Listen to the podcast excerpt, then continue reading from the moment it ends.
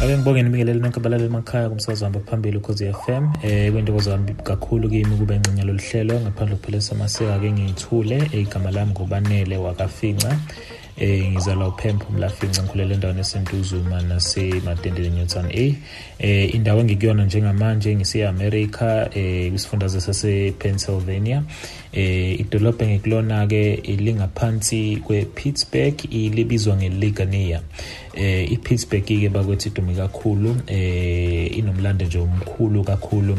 Eh ezinye izinto edume ngazo ukukhiqiza insimbi isteel eh futhi ke yaziwa kakhulu nangama breweries ama amakhulu eh nasebe khona iminyaka eh eminingi la eAmerica ngasho nje bakwethu ukuthi ukuba khona kule ndawo kuyinselelo kakhulu eh mase kuza ngakwezokuxhumana ngenxa yokuthi ke la mawune phone number or mawudinga phone number eh uyayikhokhela njalo ngenyanga and iplan nje eshibhile.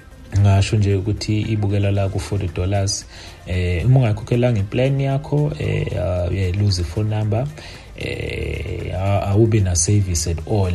Akufana naseningizimu Afrika la wazikhona ukuthi inamba mesonayo eyakho as long nje eh isefonini yakho. Kanti la kuhlukile ke eh la ukhokhela nje uba nenamba bese kuthi ke futhi enye into esiyithola inselelo kakhulu le ukuthi uma unganayo medical aid ngempela ngempela eh kuyinselelo ngenxa yokuthi la awekho ama clinic amahala axhaswe uhulumeni njengoba sazi ukuthi ekhaya eh sinalokho. Enye into izinto lesithe masifika la sayibonga noma sa appreciate appreciate kakhulu eh ukuthi eningizimu Afrika eh asikhokheli ukuthi uye clinic eh for izinto nje ezincanyana lana ke eh, eh angiphili ngedaba kwethu ngiphila neinsizwa la ngiphila nomfoka vuka nomseleko ngiphila nomfaka nathi Bhengum eh ngiyakhumbula nje emaviki namba ladlule sake sasikhipha eh siyobamba lunch eh sizinsizwa eh sathi nje eh ngiyakhumbula masifika kule ndawo leyana le restaurant eh kwakunzima ngisho kuhle emotweni ngenxa yokuthi sasibona ukuthi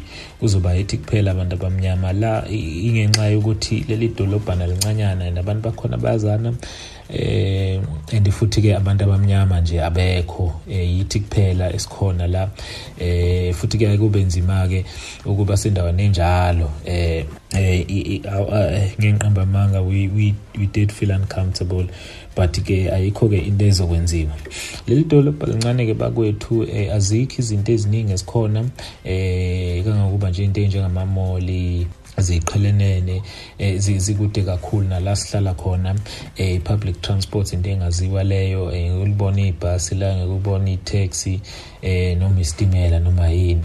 So indawo nje yabantu abanezimoto ngekubona umuntu ehamba emgaqweni eh ngisho ufika emarobotini nje kucwebile eh abantu abaphila la banezimoto bonke. And futhi uhlobo lwemoto abahamba ngazo eh liyamangalisa yabona nje thina eh kuno kuno kunomuntu osisizayo la ekhaya eh la sihlala khona.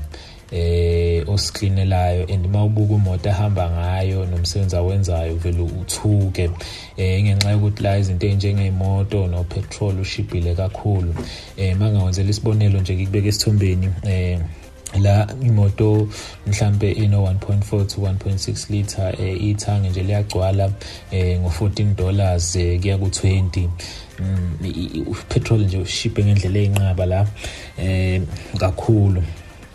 But ke eh njengabantu ke sikhulela emalokishini sesijwayele izinto njengama tuck shop yabo eh ke kube inselelo kakhulu uma uthothi nje mhlawumbe into eshoda endlini isinkwa kuphela. Sekomele ke manje ke uhamba u30 minutes wonke nakhona futhi khanjwa ngemoto kuyothola nje isinkwa kanti ke uyazi ukuthi mawuselokishini nje vele uphumela egate-ini uthola isinko but ke impilo la ishibhe kakhulu eh ishibhe kakhulu. Ngingasho le ukuthi le ndawo le idume bakwethu kakhulu ngokuzingela eh ukuzingela ukuhike izinto lezi ezidla ubhedu kakhulu ngoba le ndawo kahle kahle eh injenge injenge indawo yaziwa njengama second home for abantu abaphila la eh baza kuyona ngama season ikakhulukazi njengamanje nje bakuzoqala October nje kuza i-hunting season. Hunting season ke la kuningi okhantwayo eh kusuke khantwa amadiye kusuke khantwa ama pheasants eh inyoni eh boya abanye ke bahanda ngisho amabhele. Akhona ngisho amabhele la lawa amnyama eh izinto lezi ezidume kakhulu la eh abanye ke bayakhonzela ukhaya abanye bakhonze eh ukubhukuda kuma lake eh, nje izinto. Kodwa nje ngisho ukuthi mawala uzizwa uconnect kakhulu to inature ngoba imvelo la bayivikela kakhulu maningi amahlathi maningi ama lake iziningi izilwane eh even inyoka kunenhlobo nje eh, ngenhlobo zezilwane zasendle ezikhona la.